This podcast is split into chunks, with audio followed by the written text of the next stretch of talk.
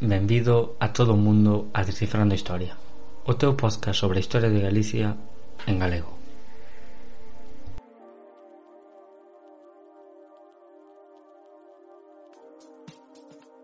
Benvido a Descifrando a Historia, eh, señor eh, Villares. Eh, hoxe estamos aquí pois, bueno, para tratar uns cuantos eh, temas sobre a historia de Galicia, E eh, gustaríame antes de nada, pois pues, bueno, eh, darlle as gracias por por asistir, eh, por darnos sí e por aceptar gravar. Moi ben, pois pues nada, gracias a ti por tu lo traballo de, de entrevistar e a ver se si, si isto sirve para col, colmar o desexo de historia que hai na sociedade galega, que é elevadísimo. Eh? Pois a ver, a ver se damos. Eh, gustaríame para, para comezar eh, que me respondera unha cuestión inicial, así, para pa meternos no tema, sobre eh, o que eu teño a sensación de que nos, nos últimos anos pois a, a investigación da, sobre a historia de Galicia, falo dos últimos anos, falo dos últimos, o mellor, 30 anos, eh?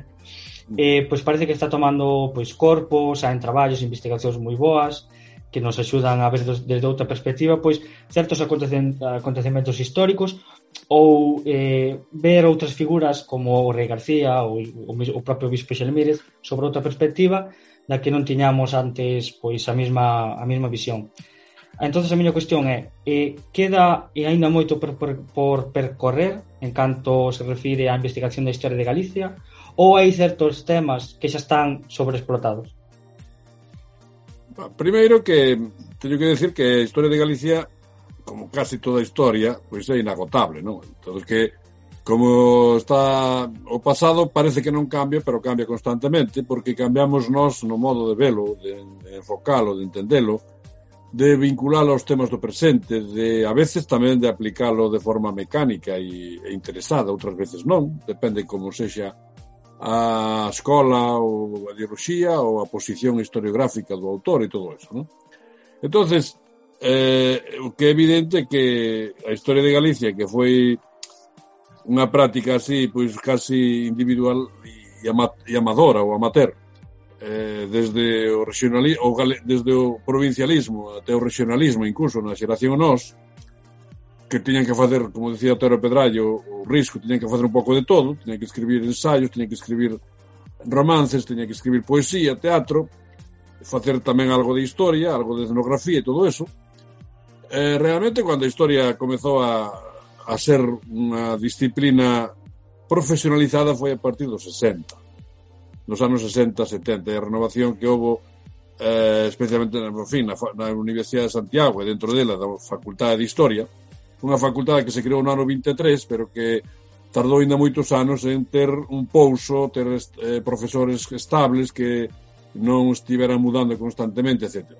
Dicir que foi fins dos 60 cando eh, máis ou menos cando eu entrei na, na universidade, o ano arriba na baixo, cando se empezou a producir unha, unha digamos que unha maior densidade de estudios de historia, e a partir daquela data hasta hoxe, pois é evidente que se crearon pois moitas eh, se crearon escolas, se crearon de, en fin, liñas de investigación do, eh, non só na Universidade de Santiago, sino tamén nas outras dúas universidades, especialmente na de, na de Vigo, que ten unha facultade de Historia en Ourense, E tamén isto foi acompañado por un centro de investigación un pouco especial que foi inicialmente, pero que despois se consolidou como tal, que é o Instituto Padre Sarmiento de Estudos Galegos do CSIC.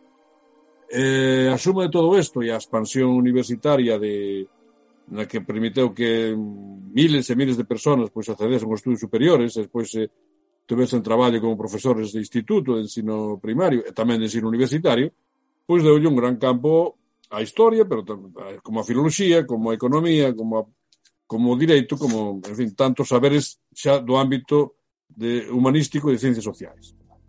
Entón, isto significa que primeiro que a historia de Galicia se puxo eh, uh, de algún modo um, a, a, a pré ou no, no, no mesmo nivel que estaban outras historiografías peninsulares e incluso europeas.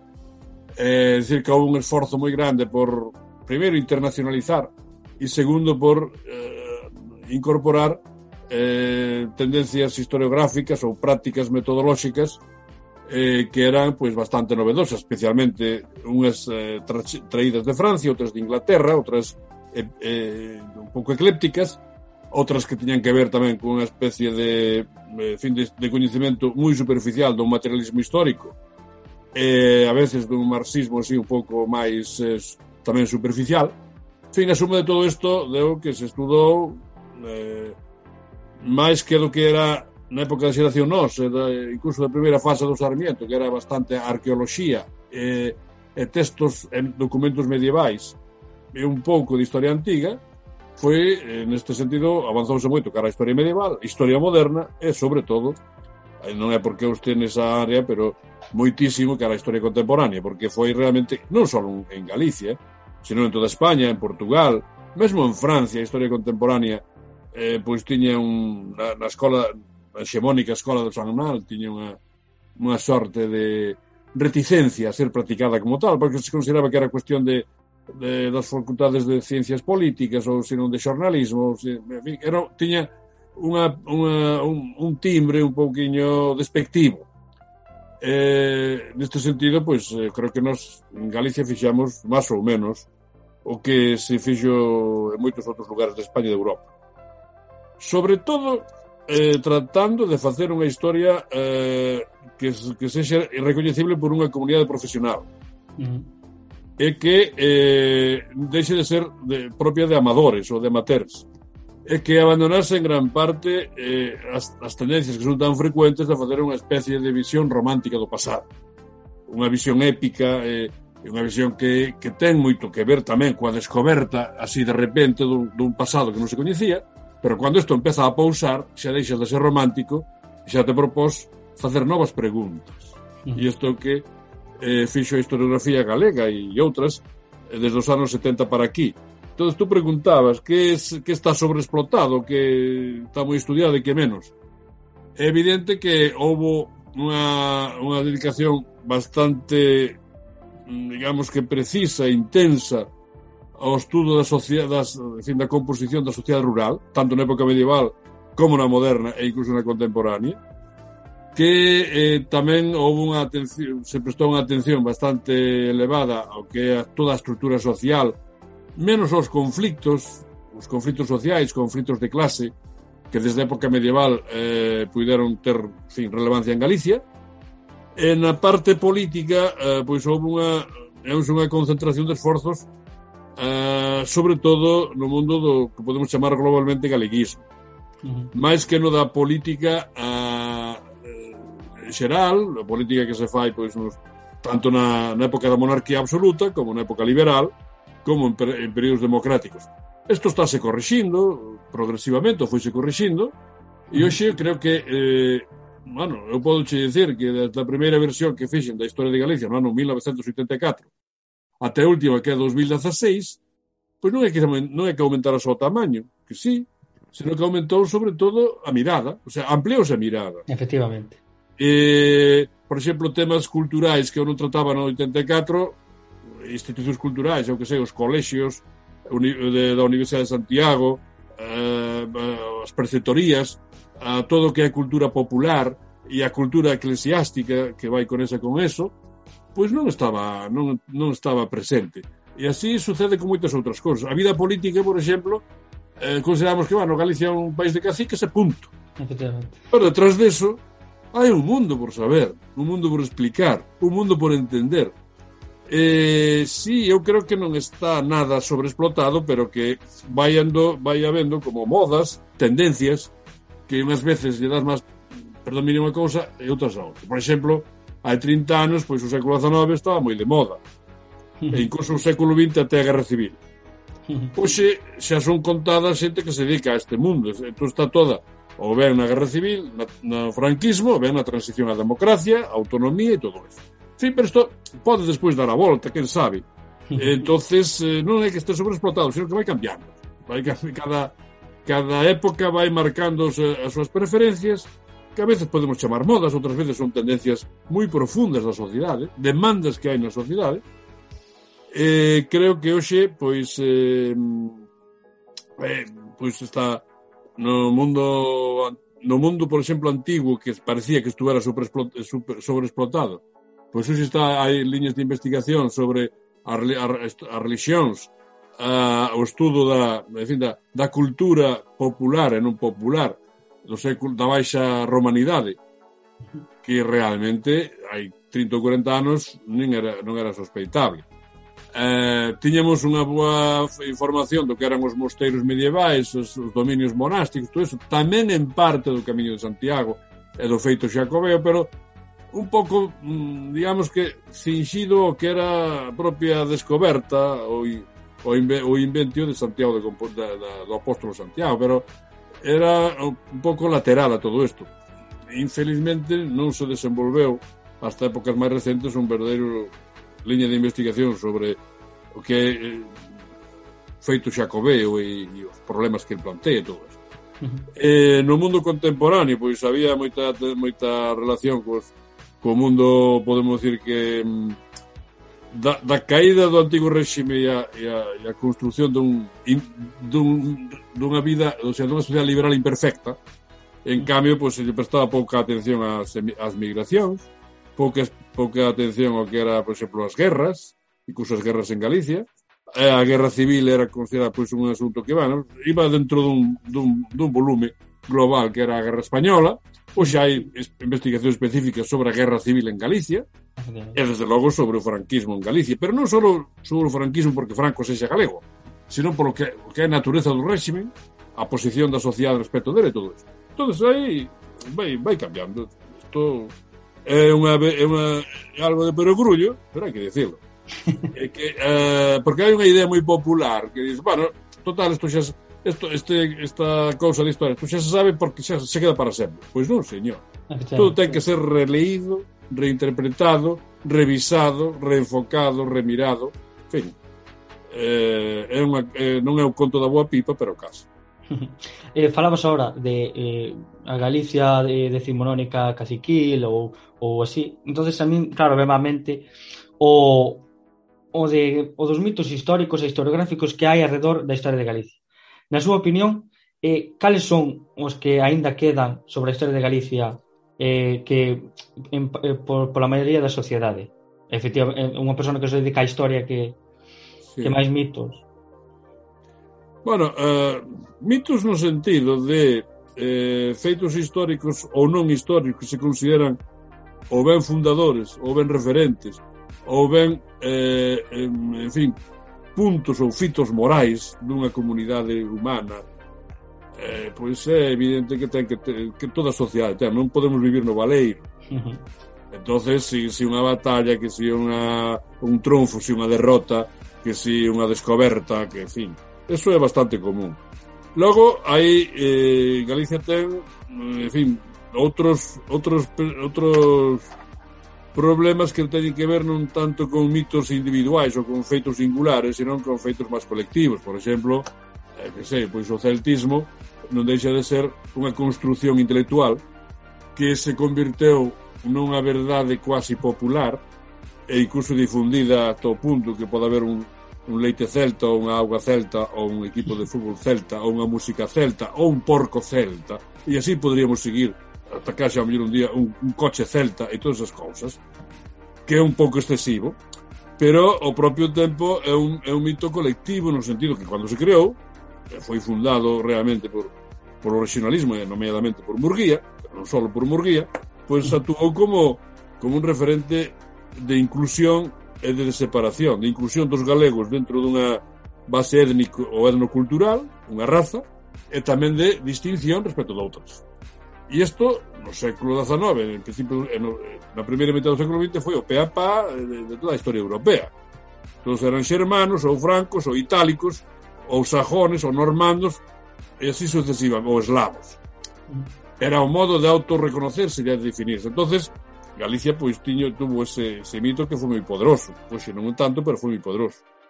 Logo está o, o mito por excelencia de Santiago.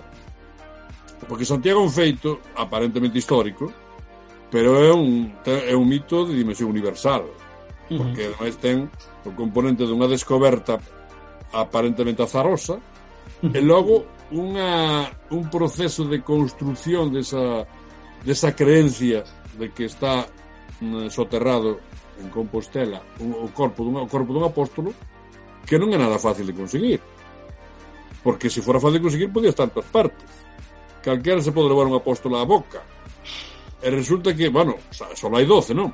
Pero, ainda así, eh, non hai 12 lugares no mundo que teñan, salvo Roma, que teñan esta dimensión dunha...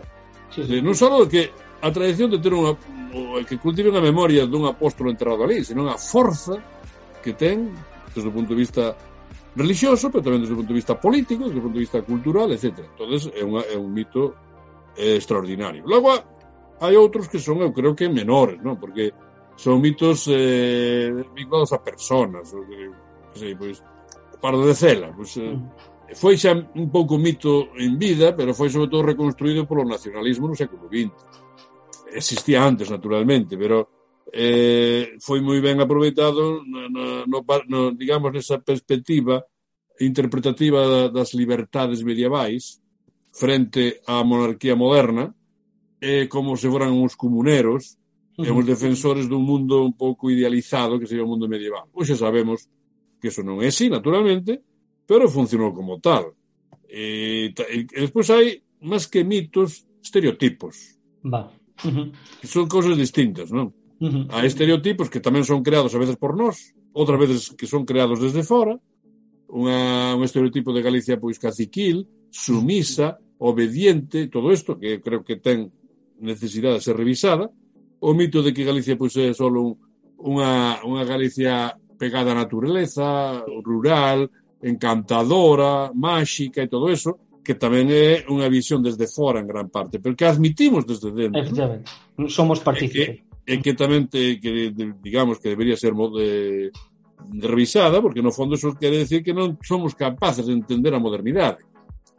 E, na verdade, eso non é verdade, que Galicia tamén hai feitos modernos, figuras, personas, especialmente mulleres, que de forma moi precoz, moi pioneira, foron as bandeiras da modernidade. Pensamos na, nas, no, no monllo de mulleres que, sobre todo na zona de Coruña, Ferrol, naceron no século XIX, que, hoxe, que hoxe son pois, un, un referente eh, e casi unha sorpresa eh, na, na cultura española e, e europea. Pensemos en, en Pardo Bazán, Concepción Arenal, Rosalía, que a, a, casi a única muller fundante dun sistema literario como a dunha comunidade literaria como é, como é a literatura galega.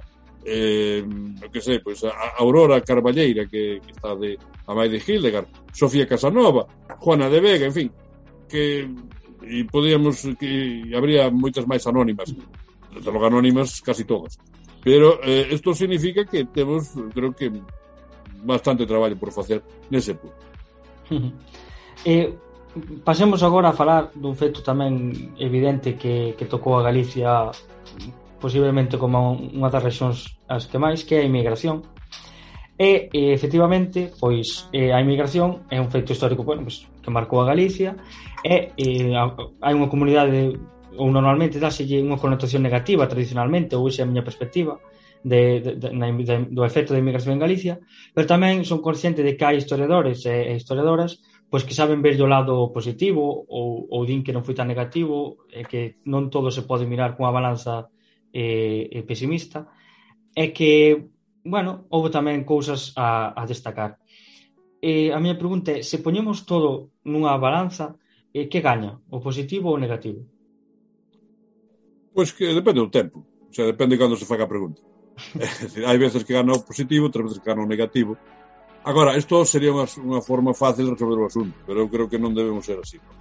Porque eh, eu son dos que penso que a migración eh, foi maltratada. Foi maltratada primeiro eh, por razóns de, de, de distancia social. Emigraban os pobres, non os ricos. Emigraban os que eh, da aldea, non da cidade. Emigraban os que non eran realmente pois, pues, elite, se consideraban elites intelectuais. Entón, a tendencia a ver a emigración dunha forma negativa, sobre todo, foi eh, foi creada polo, polo emerxente nacionalismo de principio do século XX que a considerou como un fenómeno desgaleguizador así como hai fenómenos de desgalización por exemplo coa, coa obriga de, de empregar a lingua española a lingua, perdón, a lingua castellana e que haxa pois, notarios, curas, bispos, profesores, etc., que non saben ni unha letra de galego, que, bueno, que foron ridiculizados, sobre todo por Castelao e en algunhas viñetas e tantos outros, Todo iso é certo. E eh, tamén iso se aplicou á emigración. Entón, hai aquí un punto de distancia social ou de distinción social que me parece que, que debe ser revisado, porque non, non é todo verdad porque o diga Castelao, nin Risco, nin Otero Pedrallo, nin eh, o dirigente, nin o director da Vida Gallega, e etc, etc, nin Beiras. É dicir, que, eh, que hai, esas cousas hai que revisar. Ahora, eh, claro, un fenómeno como o desarraigo, a obriga de a necesidade de ter que sair do país onde naciche, etc., non é fácil de, de justificar, non é fácil de explicar. Porque eh, realmente todo o mundo aspira, parece, aspira a, a, a vivir, nacer, vivir e morrer no mismo, na mesma terra. O cual non é o común. O sea, é común, pero non é universal. Non, é vale, non vale para todos. Se non fora así, non habería o continente americano, non habería a colonizacións de, dos, dos mares e de, de cerros lonxanos. Así que a tendencia a moverse a mobilidade bastante universal. Ben é verdade que a emigración eh, non é o común, o común é esfarquieto. Calcúlese que só un 3% da humanidade está movéndose, non? É que só un 3% que foi que foi o, o protagonista directo das, das migracións, ou que está sendo o protagonista directo. Entonces, hai que relativizar. Primeiro, relativizar. A emigración non é nin unha maldición ni unha, ni unha tesouro. Uh -huh. É eh, unha situación histórica concreta. Uh -huh. Hai épocas en que se emigra e épocas que non. Naturalmente se emigra porque hai excedentes para emigrar ou hai necesidade porque a, a fertilidade dunha sociedade determinada é superior a aquilo que ela, ela pode soster. Porque hai oportunidades noutros lugares que a xente coñece que existe. E porque hai unha certa liberdade para que poida ir. Porque non basta con que dice que, que ser moita xente, dice, bueno, e como vou a Lisboa desde Galicia? Ou como vou a Madrid? Ou como vou a América? Naturalmente, eso non se fai, non eres, non eres unha anduriña. entonces eh, Galicia, nese sentido, a migración ten aquelo, ten unha parte que explica digamos, as disfuncións e o atraso de Galicia, e ten outra parte que explica a súa propia modernidade. E aí é como debe explicarse, porque eh, a emigración tamén foi un, expresión de que algo estaba cambiando dentro de Galicia. Porque a xente se move cuando percibe a diferencia. Non se move cuando todo vai rulando sin, ninguna, sin ningún cambio. Se percibe a diferencia de que eu podía estar mellor indo alá, ou podía comprar aquela terra, ou podía liberarme desta renta, ou podía redimir aquel foro, ou podía comprar unha casa, entón está percibindo unha diferencia. Hai lugares onde pode mellorar e aquí non estou. E hai xente que aquí me oprime ou me está, digamos que, eh, obligando a comulgar con rodas de moinho, poñamos un cura, poñamos o, o cacique local, poñamos un, un, o patriarca da aldea ou da, ou da, ou da comarca, uh -huh. e que se quer liberar. Iso é unha, é, unha, é unha expresión de independencia, de liberdade e de modernidade. Uh -huh. ah, entón, eh, entón a xente dice, non, é que pobriños. Non, pobriños non, son os valentes, son os audaces que dan pasos que outra xente nos, nos atreve a dar. Claro, eh, esto vista así, creo que nos permite poñer, eh, colocar Galicia no, no contexto das grandes regións europeas migratorias. Claro, algunhas eh, eran moi pobres, como Galicia, ou máis pobres que Galicia, por exemplo, Irlanda, ou xa moi rica, pero daquela, ou é bastante rica, daquela era máis pobre ainda que Galicia, pero Galicia era considerada como a Irlanda de España. Uh -huh. Pero tamén emigraban os, que, os de Escocia, e emigraban os alemáns, e emigraban os eslavos, e emigraban os italianos do norte antes que os do sur, e emigraban os portugueses do norte antes do que o sur. Decir, que a migración, para empezar, é moi complexa. Que hai que vela desde a perspectiva de quen emigra e, de, e tamén de, de donde, que, coa perspectiva de quen o recibe. Uh -huh. E xa finalmente, eu creo que a migración, claro que foi un factor de modernización de Galicia importantísimo, por exemplo, como se explica que entrara a mecanización no campo? Xa nos anos 20, porque non había brazos Claro, en Andalucía segaban a man e mallaban a man. En Galicia mallaban, mallaban con máquinas. Uh -huh. Por qué? Porque non había con que facer. Uh -huh. Entón, a emigración non ten, non ten unha cara, ten dúas, por lo menos. Unha de por que se vai e outra que é o, que, o efecto retorno. E logo, creo que a emigración pues, nos une a, a un proceso de transformación do mundo no século, fin do século XIX, todo o primeiro tercio do XX, extraordinario, creación de novas Europas, a expansión de, de países como Argentina, como Uruguai, como Brasil, non foi a migración a Estados Unidos, porque non tuvo esa ten, non, non callou esa tendencia, foron pois eh, irlandeses, logo italianos, etc. Pero a emigración nos fai eh, ter, o sea, nos dota dunha identidade mundial. Eh, comparable ao apóstolo Santiago.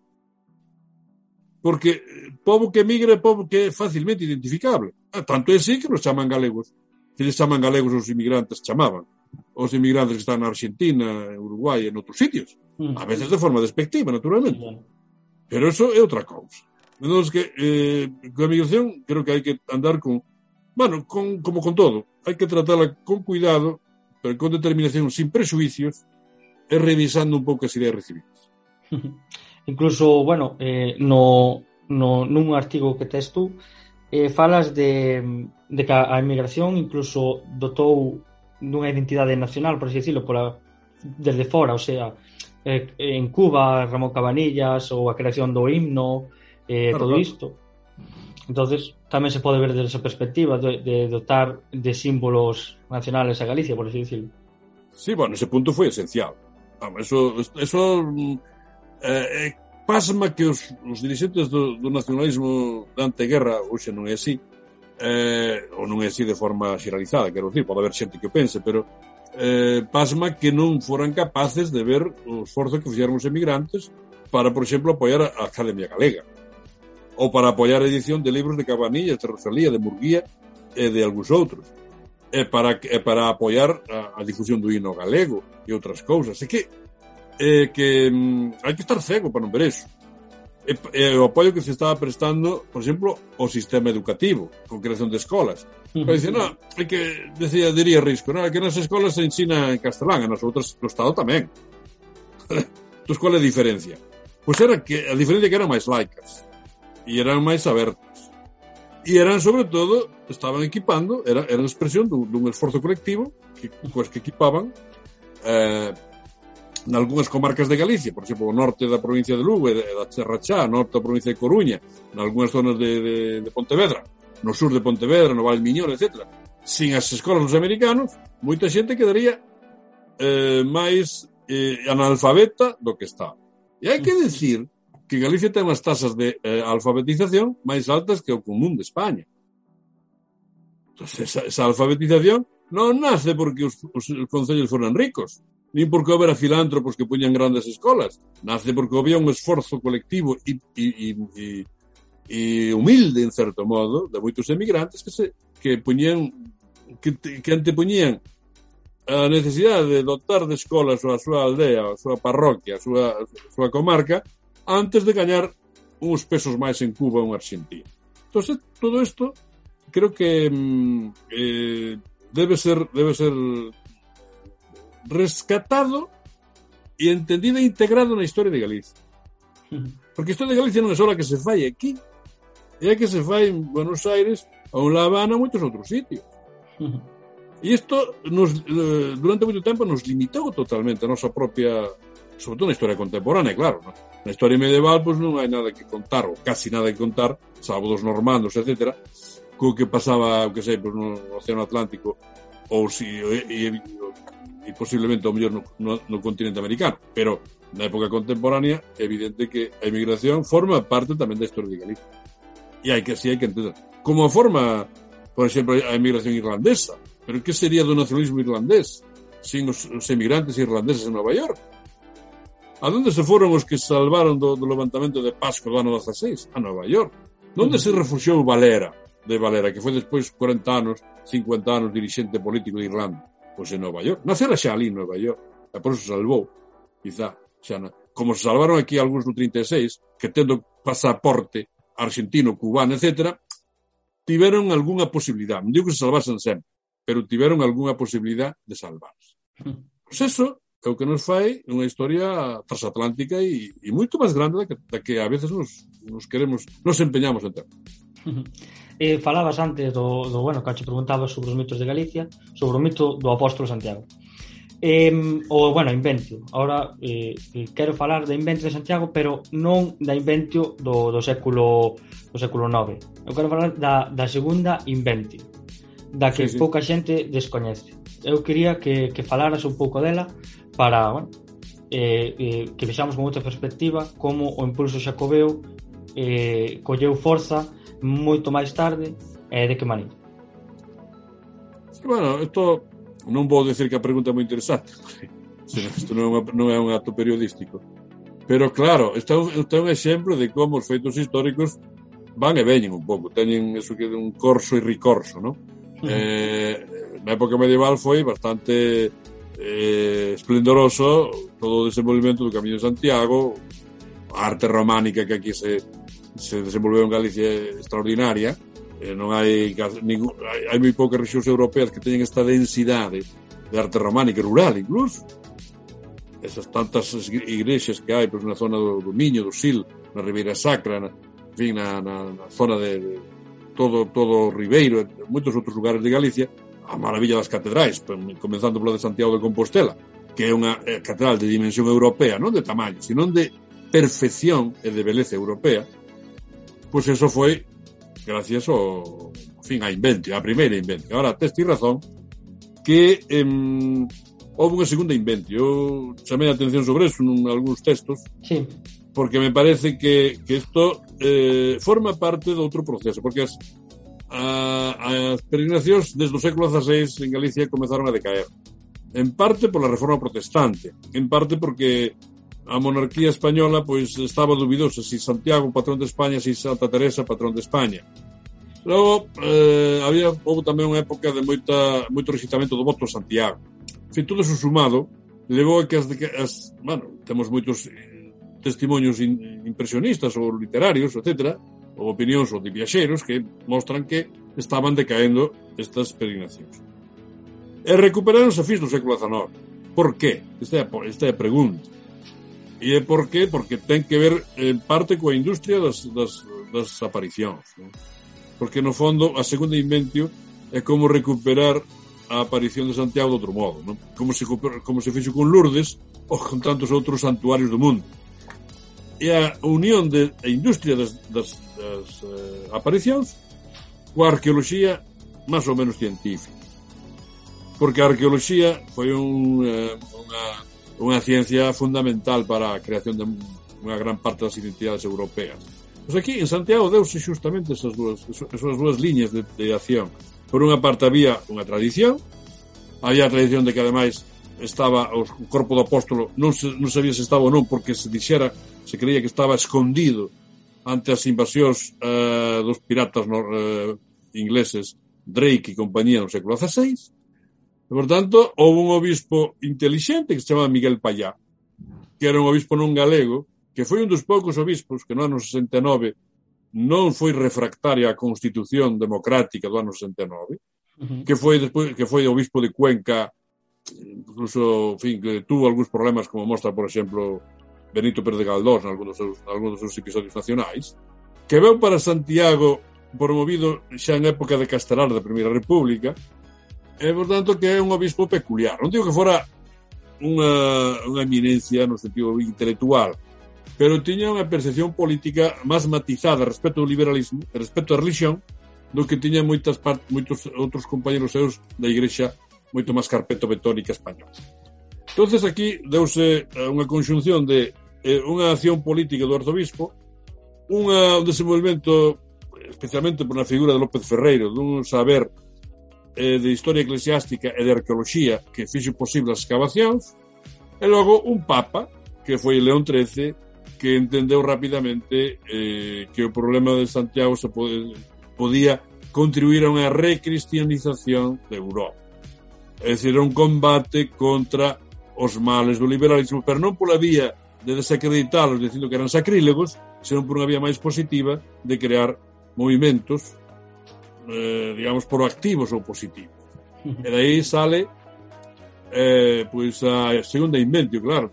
Ten un proceso intelectualmente bastante simpático e, e singular, non? Porque por unha parte hai xente de fora que ven expresamente desde, por exemplo, desde a Academia Española de Historia a verificar como está isto, que por exemplo o viaxe do padre Fita, e que lle dan un respaldo científico, e ten unha serie de catedráticos da Universidade de Santiago de medicina e de ciencias que tamén colaboran nesto e sin se mollar moito porque non acaban de de decilo dice máis ou menos non repugna al intelecto que se pueda afirmar que estos restos pueden pertenecer a Santiago e a sus dos discípulos. O de non repugna, pois é eh, perfectamente interpretable.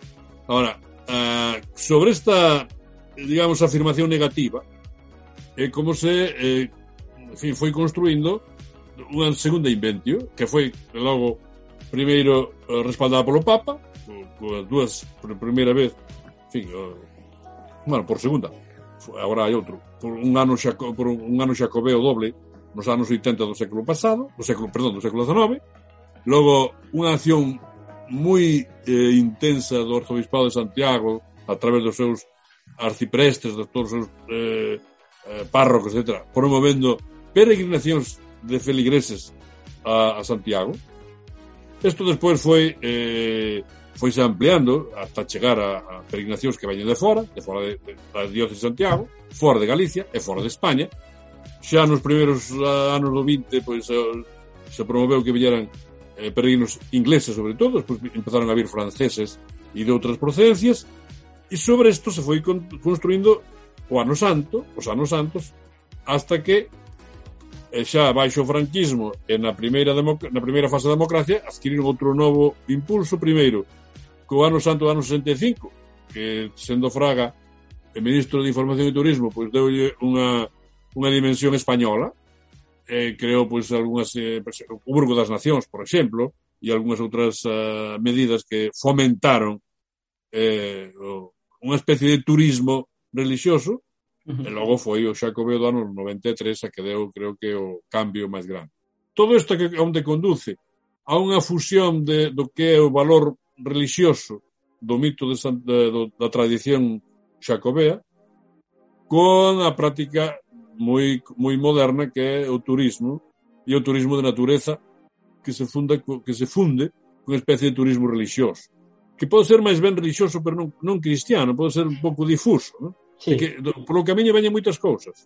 Veñen aqueles que creen exactamente que están encontrándose coa divinidade, veñen aqueles que creen que veñen que, está, que están eh, encontrándose con si mesmo, consigo mesmos a través do contacto coa natureza, veñen os que van hasta o Fisterra porque ese é o fin do mundo e, por tanto, é un modo de, de, de culminar pues, unha ansia individual que pode ser incluso colectiva, E veñen os que queren salir da súa casa e facer turismo, ou incluso pasar, pois, pues, eh, divertirse incluso, que no cual non está apenado ni moito menos. Non, non, non, por suposto.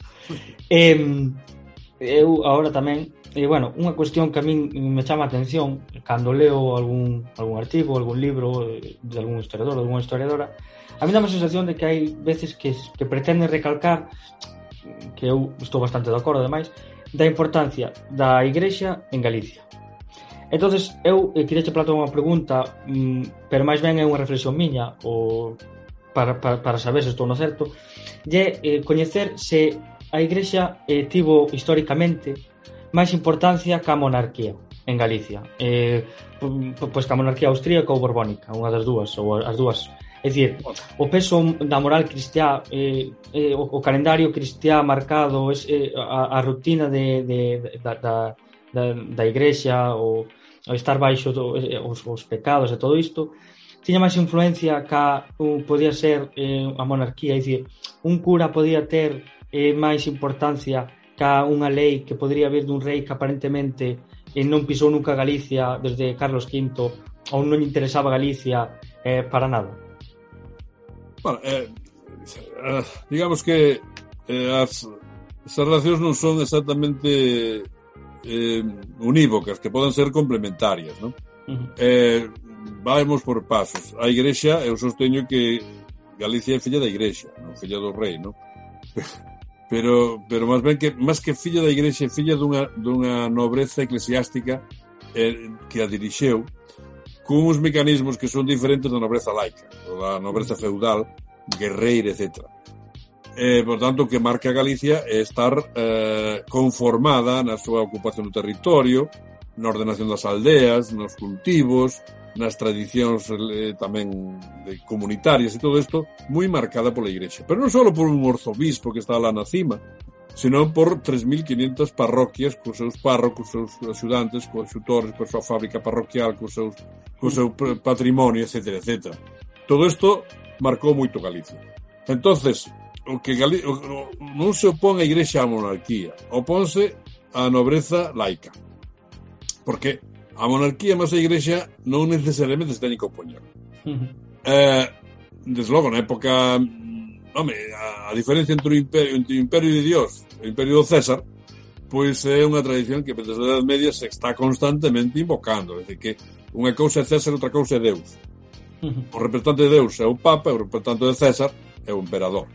Entón, esta vontade de separarse, pois, pues, xa forma parte pois, pues, do debate das investiduras de Gregorio Magno e todo esta de, de, de Gregorio VII e todas estas cosas. Pero eh, é evidente que o que a presencia do re, da monarquía en Galicia é débil. A pesar de ser, a pesar de manterse constantemente como rei.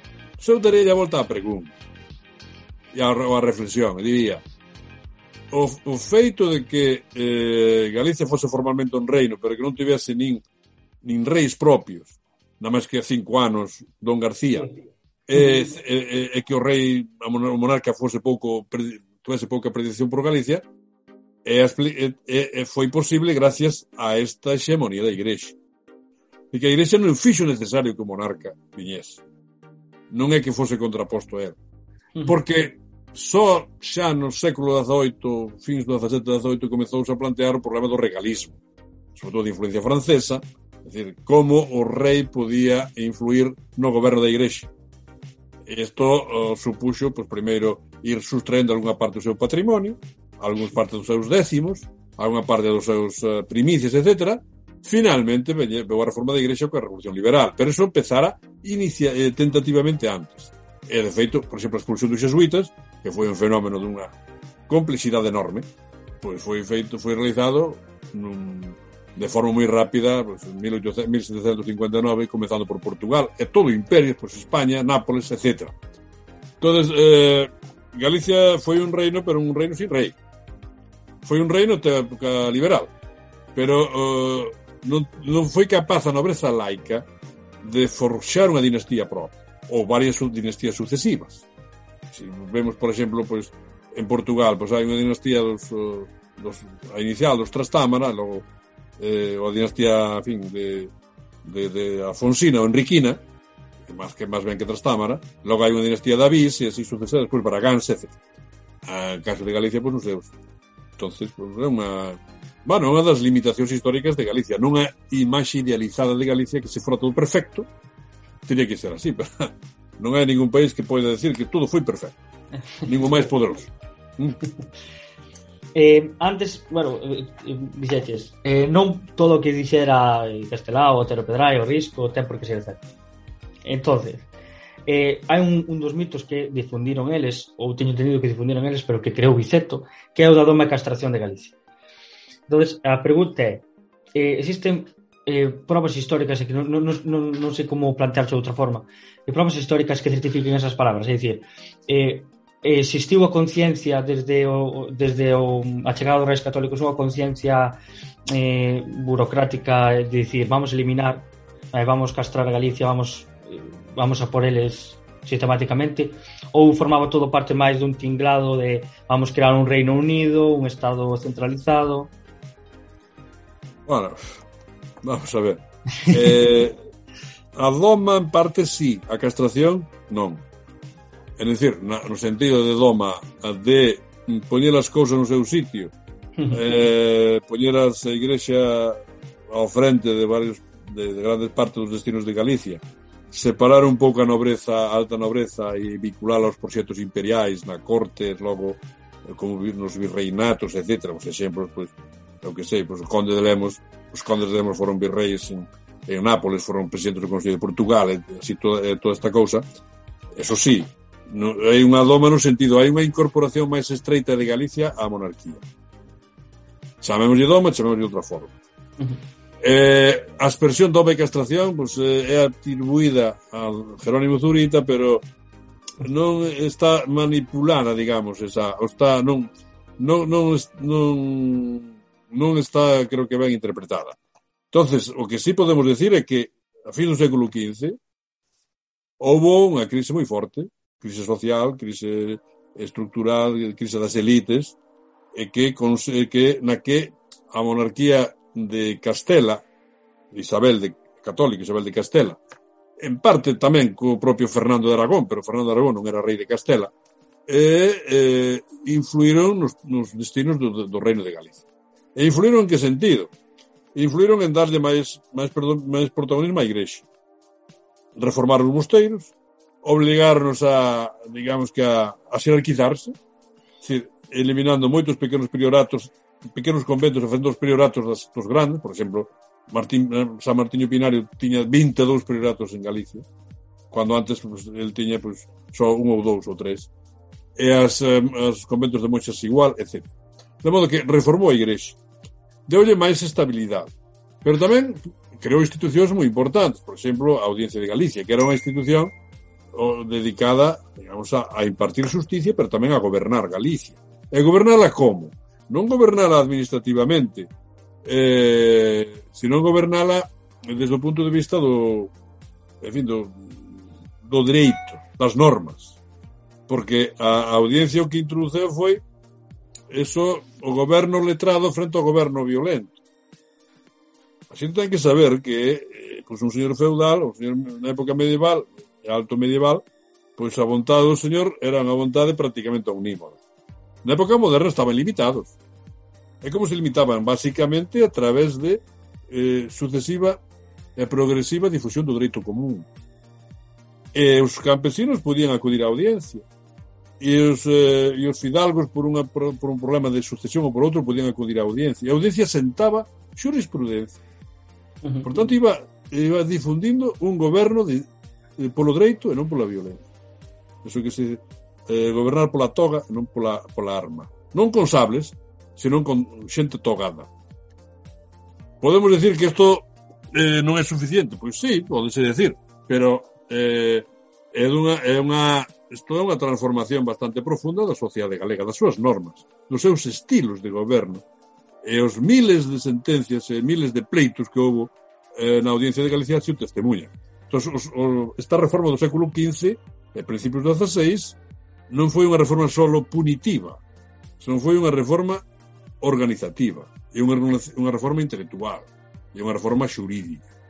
E todo isto sumado, pois, dá unha Galicia diferente. No século XVI, pois, tuvo unha expansión relativamente importante, e logo, pois, xa sigue na época moderna máis clásica, 17 17 18, por vieiros un pouco peculiares e distintos, o que se chama a sociedade barroca, a sociedade dos pazos e todo isto. Pero probablemente toda esta por exemplo, toda esta, toda esta deriva que hai no século XVII e XVIII non sería posible sin este goberno polo dereito, non? Porque isto tuvo unha consecuencia fundamental, que fixo dos campesinos pequenos privilexiados. Se tiñan, eh, en vez de pagar renda porque tiñan eh, dependencia personal dos señores pagaban renta porque tiñan eh, arrendado ou aforado unha terra. Tanto era un dereito real, non un dereito era en, en razón dun dereito real, non, son, e non dun dereito persoal. Oxe, a xente eso non entende, pero é que é moi distinto pagar porque eu son eh, deudo do cacique eh, a pagar porque levo arrendado unha terra. Pago aquilo que está estipulado e non pago máis. E se produzco máis, me quedo con ele que foi o que fixeron cando introduciron o millo e a pataca e outras cousas. E emigraron. Así que hai que ver as cousas por detrás da lúa, non só pola cara da lúa. Efectivamente, e para iso estamos aquí.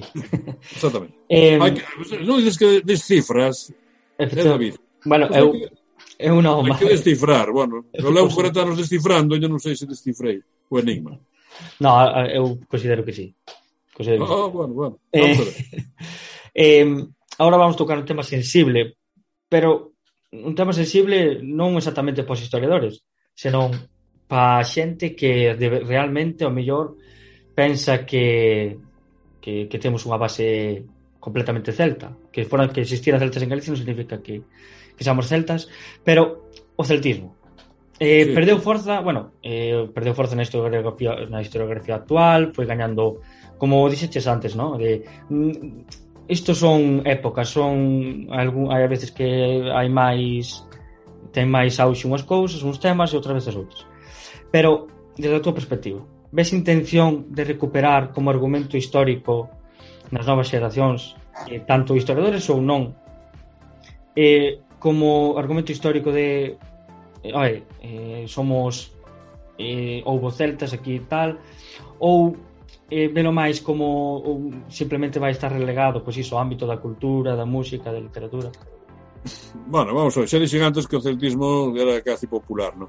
Creo que o que se produceu foi unha traslación desde un ámbito intelectual e políticamente forte para construir unha identidade a un ámbito máis da aceptación e difusión máis popular. O que haxa porco celta pois é unha, é unha broma, pero tamén indica eso, non? entonces o celtismo hoxe é outra cousa do que era antes. E o, unha das cousas que cambiou foi que o celtismo durante a época regionalista, incluso na época da xeración nós, era un elemento sustancial na definición de Galicia como suxeito político. En cambio, no moderno nacionalismo galego, novo nacionalismo que naceu nos anos 60 en diante, non fixe apelación en realidad a, fa a factores etnoculturais ou factores étnicos, sobre todo, para ah, a construir a súa propia eh, imaxe ou a súa propia idea de Galicia, non? Entón, nese sentido é que o celtismo perdeu vigor político e vigor ideolóxico, pero ganou a ah, vigor popular, podemos dicir. ¿no? Ou mantivo aquel que se tiña antes, porque nos anos 20, cando sí, os galegos pues, que estaban, bueno, se consideraban celtas, e iso celta significaba que eran arios, e, por tanto, eran dunha raza superior. Ben, ben superior ou polo menos ben considerada. Eh? entonces era popular e Cabanillas era o poeta da raza. Efectivamente. Era o poeta da raza, raza celta. Eh? E, e Ramón Franco, cando chegou ali Cupus Ultra, fixo aquela fazaña porque era da raza celta. Podía incluso, e Franco podía ganar os batallas en, en Marruecos porque era celta, e así sucesivamente. Todo isto foi se transformando, eu creo que porque, sobre todo na historiografía, non foi nos últimos 50 anos non se lle prestou moita atención ao celtismo senón que se foi considerando como unha sorte de antigualla. Creo que hoxe hai que recuperar o que tuvo, de, por exemplo, que ten incluso de, de, de atractivo, por exemplo, na difusión das relacións cos países célticos, considerados célticos, das relacións coa música, coa poesía, mm. coa religiosidade, etc. Hai moitos puntos onde se pode explotar totalmente esta idea do, do da, da digamos da confederación celta, non?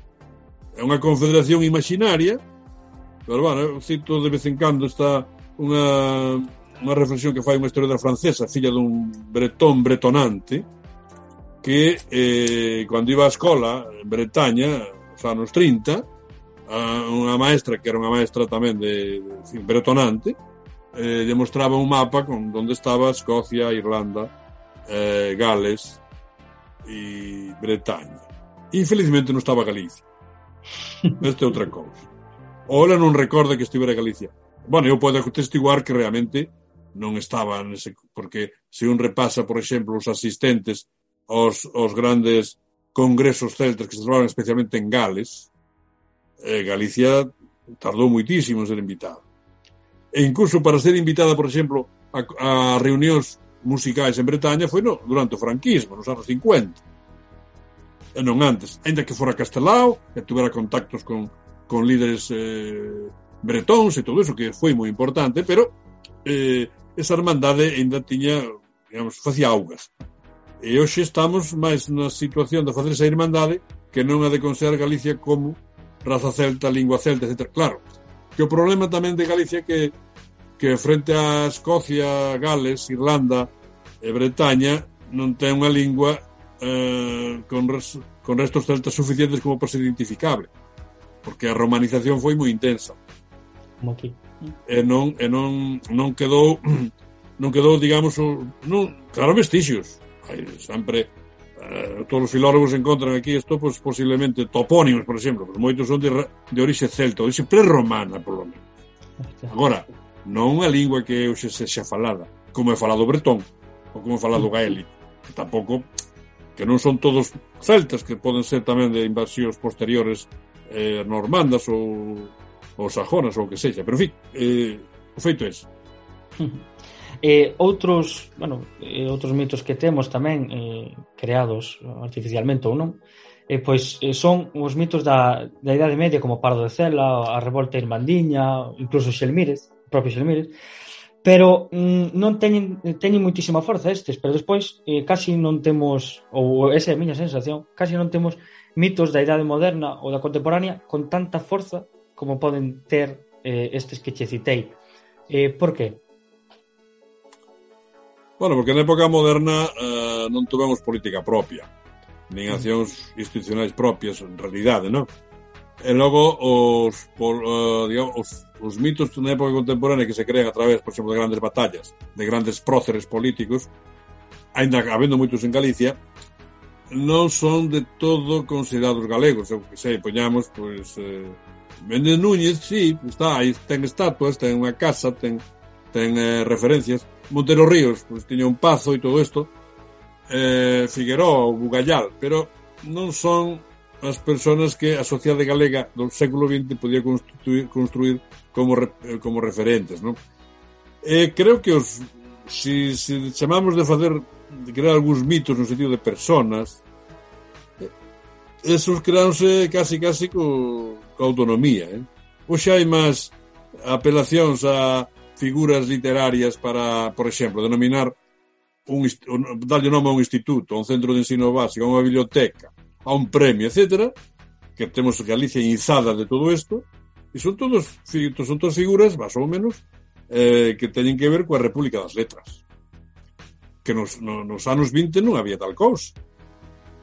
O Instituto de Ourense non se chamaba Instituto Otero Pedraio nin Marcelo Macías. Chamase Instituto de Segunda Enseñanza de Ourense. Xa está. E xa estaba. Ou senón, algúns, por exemplo, Santiago chamábase Instituto Gelmírez. Pero Gelmírez. Sí, que eh, ahora pero hai un instituto en Santiago que se chama Rosalía de Castro. Ah? Rosalía de Castro xa é un, un mito moderno creado na época contemporánea. Entonces, bueno, os mitos son moi... Bueno, máis que mitos son referentes Iso, non son mitos realmente, son referentes para identificarse unha comunidade. Porque non hai que estar explicando, todo, é como ter unha bandeira, se si tú tens unha bandeira que admite pois, unha proporción grande da poboación, non tens que estar explicando todos os días. Se si é de tal color, xa te... Vela, e dices, ah, xa me movo o corazón. Xa teño sentimentos que me identifican con ela. Se ves unha persona que non as Olimpiadas pois gaña unha medalla e ali se, se pudera, se Galicia fora nación olímpica, eh, se pudera ver a bandeira galega, pois pues, habría xente en Galicia que se emocionaría con eso. Sí. Que, que duda cabe. Sí, que duda bueno, cabe. algún día chegará, porque isto creo que son, son, bueno, son xa hai 190 tantos estados no, no mundo, se que se incluímos as nacións sin estado, pues, vaya... 200 non lle fai mal a nadie. Eh, No, bueno, pero como Galicia moitos máis, eh?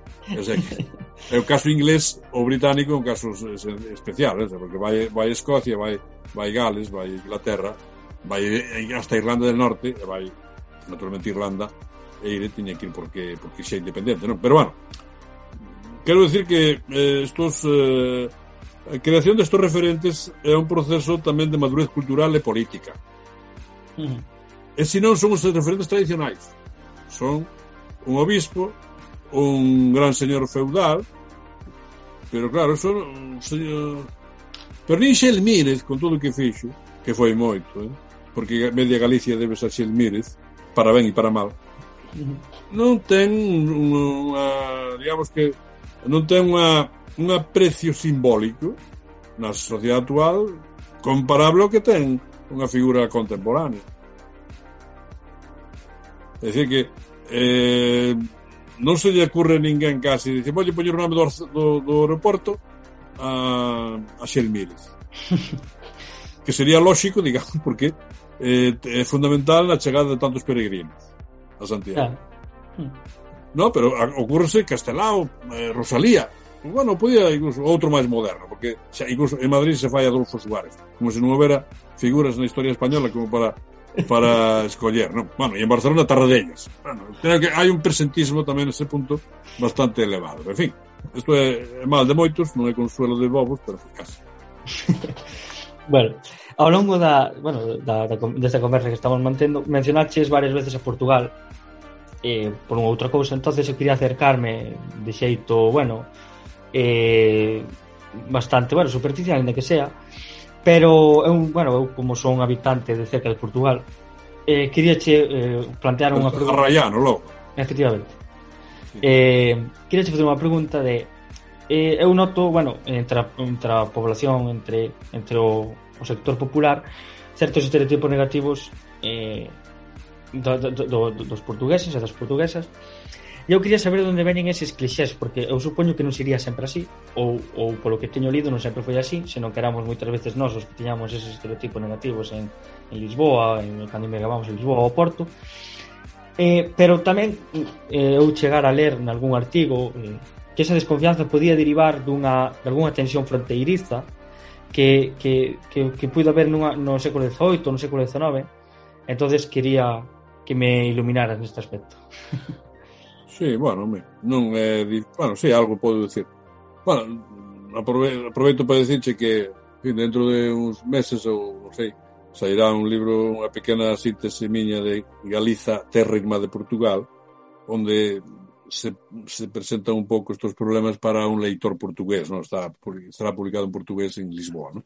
Entonces, eh, este é un asunto que me interesa incluso personalmente, eh, porque creo que as relacións con Portugal tamén se modificaron ao longo da historia, tanto que non valen os clichés antigos para poder analizar os que, a situación na que estamos e na que estará no futuro. Uh -huh. Primeiro, porque eh, estas relacións foron de claro, de irmandade, pero dunha irmandade que, que padeceu, que su, su experimentou unha, unha escisión que non foi moi ben explicada xa no orixe, na época de Xelmírez e do rei Afonso Enríquez, pero que se foi agrandando co tempo, que se foi considerando como como natural, podemos decir, ¿no? Logo houve algúns conflitos, por exemplo, arraianos, como tú sinalas, non no 18, sino sobre todo creo que no século XVII, cando a separación ou a restauración, mellor dito, a restauración da dinastía de Braganza ao fronte da monarquía portuguesa, que foi especialmente virulenta na raya norte, ou sea, na raya mollada, na raya seca de Portugal, coa coroa de Castela, pero bueno, na que participaron moitísimas casas fidalgas con grupos de xente armada, eh, con pequenos, digamos, contingentes militares defendendo a fronteira ou, ou atacando, neste caso, a Portugal. Bueno, Portugal respondeu pois, creando estas, esta liña de fortificacións desde Valença, Monzón, eh, Melgaso, etc., que son expresivas justamente desa, desa actitud defensiva. Logo, a partir de aí houve unha, eh, durante moi, varios séculos unha política, digamos, despectiva ou de desdén, que diría Murguía. Non? eh, os portugueses que viñan a Galicia, moitos deles eran considerados, pois, de, en fin, inferior, inferiores, pobres, etc. E incluso, por exemplo, na, na, na provincia de Lugo se chamaba por lo menos aí, portuxeses dunha forma despectiva como se foran como se fora unha geada inversa, pero non tampouco eles practican a geada. Os galegos en Portugal son considerados tamén como en América ou eran considerados de forma despectiva. Uh -huh. Eh, moitos galegos eh, que se foron a a, Port a Portugal, primeiro se confundiron cos miñotos ou montanos e logo na súa eh, evolución cara ao sul foron considerados eh, galegos en Lisboa e finalmente portugueses no Brasil. Porque moitos que son portugueses que emigran, que se consideran portugueses que están no Brasil, son inicio eh, contingentes que veñen do norte e poden ser unha parte miñotos, outra parte transmontanos e outra parte galegos. Hmm. Son como unha especie de suma eh, suma étnica destas, destes contingentes. E aí o que hai que decir é que só no século XX comezou a recuperar a recuperarse un pouco unha unha, unha imaxe positiva de Portugal especialmente como referente positivo ou valor positivo de reintegración. Uh -huh. Decir, como uh, lograron a maior identidade de Galicia gracias á súa irmandade con Portugal, da lingua, pero tamén da cultura e de moitas outras cousas. E neste sentido Portugal eh, pois foi, eh, ainda que de forma moi selectiva, ou moi poucos portugueses que se ocuparan deso, e moi poucos galegos que se ocuparan deso, pero eh, foi positivo no sentido que creou unha corrente eh, cultural pois, eh, práctica e constante con Portugal, con cara a Portugal. Eh, creo que cambiou todo ah, a, o ingreso na Unión Europea, a eliminación das fronteiras físicas, a eliminación das alfándegas e todos aqueles eh, requilorios que había para que, que pasar para vir de Portugal a, a Galicia, que les chamaban España, e de nós, desde Galicia a Portugal, que chamamos Portugal, e non Galicia do Sur, por exemplo. entonces, eh, porque ela non quixo ser Galicia do Sur, que decidiu chamarse Portugal, eh? que é outra cousa que a xente esquece, non quixo ser gal Galeque, quixo ser Portugal. E, por tanto, aí xa está unha decisión inicial. Sí, sí desde o século XII. Eh, bueno, pero a, eliminación destas fronteiras e a creación das rexións fronteirizas en, das rexións de coordinación o sea, a estrutura regional de Portugal, as autonomías españolas, especialmente a autonomía galega, pois eu creo que plantean uns desafíos diferentes, novos. Oxe, creo que non podemos pensar nin en eh, que eles nos nin, nun irredentismo portugués que nos recupere, nin unha reintegración nosa que vayamos para lá senón que nunha especie de, de, digamos, de trato novo, de contrato novo de entendimento. Creo que sobre esa, sobre esa suposto sobre o que hai que traballar, creo que o futuro vai, vai ir por esta dirección, as, as, as, a permeabilidade das, da fronteira é prácticamente universal, hai moita xente galega que traballa en Portugal, sobre todo no norte, moitos moitos traballadores non cualificados, pero tamén cualificados, médicos, enfermeiros, profesores de universidade, eh, abogados, o que sexa. Hai tamén portugueses que veñen a Galiza, ainda que menos do que galegos van a Portugal. E todo isto, eh, algún día, cando se faiga, se construye sobre todo o AVE eh, Porto Vigo, pois darán vuelco. E será un continuo. E basta ver no, na imaxe de, do satélite a Península Ibérica como ten tres, tres lugares iluminados que resaltan eh, na Península Ibérica, que son esa illa de Madrid, que é unha illa aillada, eh, a costa mediterránea, especialmente Barcelona-Valencia, e a costa atlántica que vai de Coruña a Lisboa. Isto é unha realidade que é imparable, é como querer parar o que sucede en California o que, o que, o que sucede no mar da China. Igual o que como será? Pois eh, eu creo que incluso vai ser os, os idiomas van ser, creo que neste punto, menos decisivos do que se pensaba, van ser moito máis decisivos as relacións humanas, as relacións comerciais, as relacións tecnolóxicas, eh, en todo isto, a Marte, que Galicia se vería moi beneficiada do impulso que ten e da forza que ten o norte de Portugal na pequena e mediana empresa, na súa conexión con moitas empresas europeas e americanas, eh, na súa capacidade de innovación que é moi superior á de Galicia nese punto, digo que en todo pero si nese punto tamén no, no, no campo de investigación aplicada no, como se están desenvolvendo as universidades eh? solo a Universidade do Miño por exemplo, está, xa alcanzou a Universidade de Santiago. É unha universidade que ten 50, non ten 50 anos. Pois isto é un exemplo de que as cousas se poden se transforman progresivamente a veces moito máis rápido moito máis rápido do que pensamos. E Galicia ten que estar aí. E as súas elites políticas, pero tamén intelectuais, e sociais, empresariais, teñen que estar aí. Uh -huh. eh, bueno, eso, e así é como acabo, máis ou menos, o meu libro dedicado a Portugal, ¿no? Porque creo que eso é traballar para o futuro e non ensarzarse en polémicas que non nos van a dar que máis dá que poñamos un L, un año, un N, un, H, un NH, etc. Sí, importante, a ortografía é importante, sí, pero pero eso non dá de comer. Que diría Saber que, a querelo. Eh, sí, espero que sí, falamos outro día, hombre. e eh, por último, eh, por último, a última pregunta xa, que non menos importante, pero que, que bueno, eh, a miña pregunta é, hai unha, unha Galicia pre-estatuto e outra post-estatuto? É dicir, hai unhas diferencias abismales entre eh, un, unha Galicia antes de, de que se declarara, bueno, oficial ou de que se aprobara o estatuto eh, da que hai e agora, é dicir, antes e despois. Notase moitísima diferencia. Sí, bueno, non é só eh, sí, a diferencia é evidente. Non é só responsabilidade do estatuto, nin tan siquiera a responsabilidade da autonomía, ainda que foi bastante importante. É responsabilidade de, de feitos moito máis complexos, é a propia democracia española, a Unión Europea, ou esta onda de prosperidade que houve no mundo occidental desde os anos 80 para cá, eh, todo eso a Galicia pois eh, lle deu unha nova faz, unha nova unha fasquía, non? E isto, claro, foi bon para a autonomía no sentido que pode asociarse con esa prosperidade. Uh -huh. Que dicimos, non, é que Galicia está atrasada. Sí, non, non isto non é chi, non é, non é Xangai. Pero, pero hoxe, eh, aí cando empezou a autonomía había son 50, máis dun 50% de personas vivindo no sector primario, residindo no campo, dedicado dedicadas ao sector primario, xa hai un 6%. Un 6%. De que había centos de miles de explotacións agrarias, xa hai 6.000. 6.000. Entón a xente si, dice, bueno, está, está Galicia vaciada, España vaciada, tonterías. Eso todo mm, son Son, son, son, non, políticas e non só políticas, son discusións para perder o tempo. Pois se está vaciada, por algo será. Pero está vaciada para qué? Para ser peor ou para ser mellor? Entón, o que temos que ocuparnos é como a resignificamos aquilo que está vaciado ou aquilo que está abandonado, como lhe damos outra utilidade, E non choramos.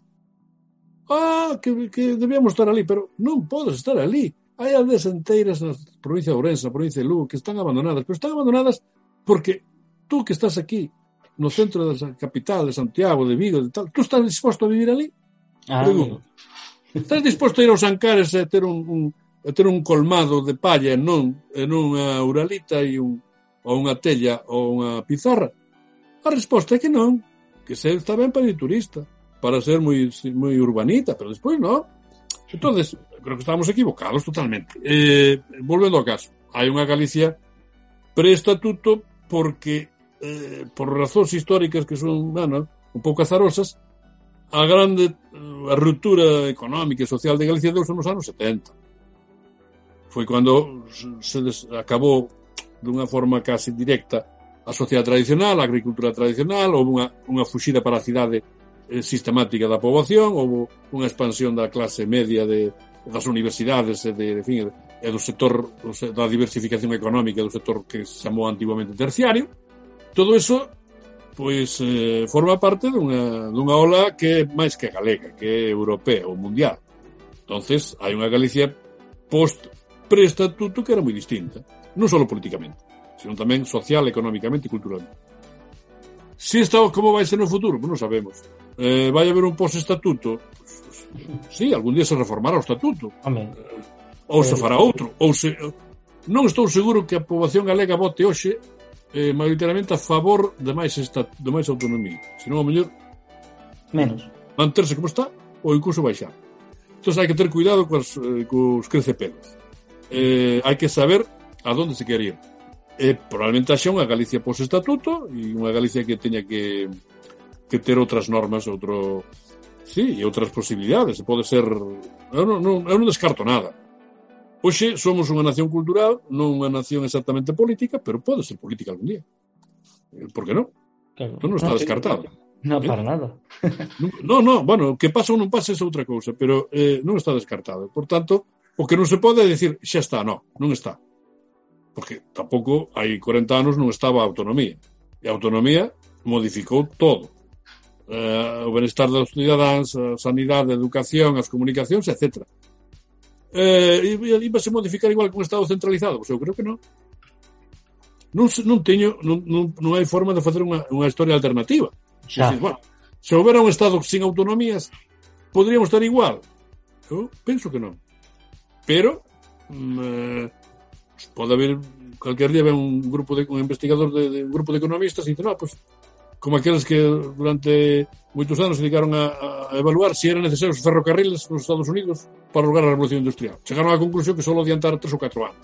Bueno, non sei se valeu a pena facer tanta investigación para demostrar que podía, podían ir as mercadorías, por exemplo, por barco, nos ríos, etc. Claro, o Mississippi é unha autopista que, vaya, vaya por Dios, ni, máis que o Danubio, non? Entonces, eh, eh, Sí, pode, todo pode suceder, pero rebus sic stantibus. Galicia é unha autonomía estable, eh, incluso políticamente vese que estable, eh, non, con dificultades para a alternancia política incluso. E España, pois, é estable pero menos, como sistema político, pero, bueno, non hai non é previsible que nos próximos anos se cambie todo, de modo que non hai aínda unha visible Galicia pos estatuto. Pode haber pos este goberno ou outro goberno, non? Eso sí. Pero pos o estatuto no sentido de ser non autonómica ou ser unha nación independente, eu a corto plazo non o vexo, pero non o descarto. Pois eh, non teño máis preguntas, non teño máis reflexións. Vale. eh, moitas gracias por responder as que as que formulei aquí. E moitas gracias por aceptar eh, e vir falar destas cuestións tan, tan interesantes. Eh, así que nada, Moitas gracias. Bueno, pues nada, moitas gracias a ti por o teu traballo e o teu esforzo e espero que sirva de algo. Bueno, sí, sí, espero que teña utilidade as reflexións que fas ti e tamén as, as respostas que eu digo.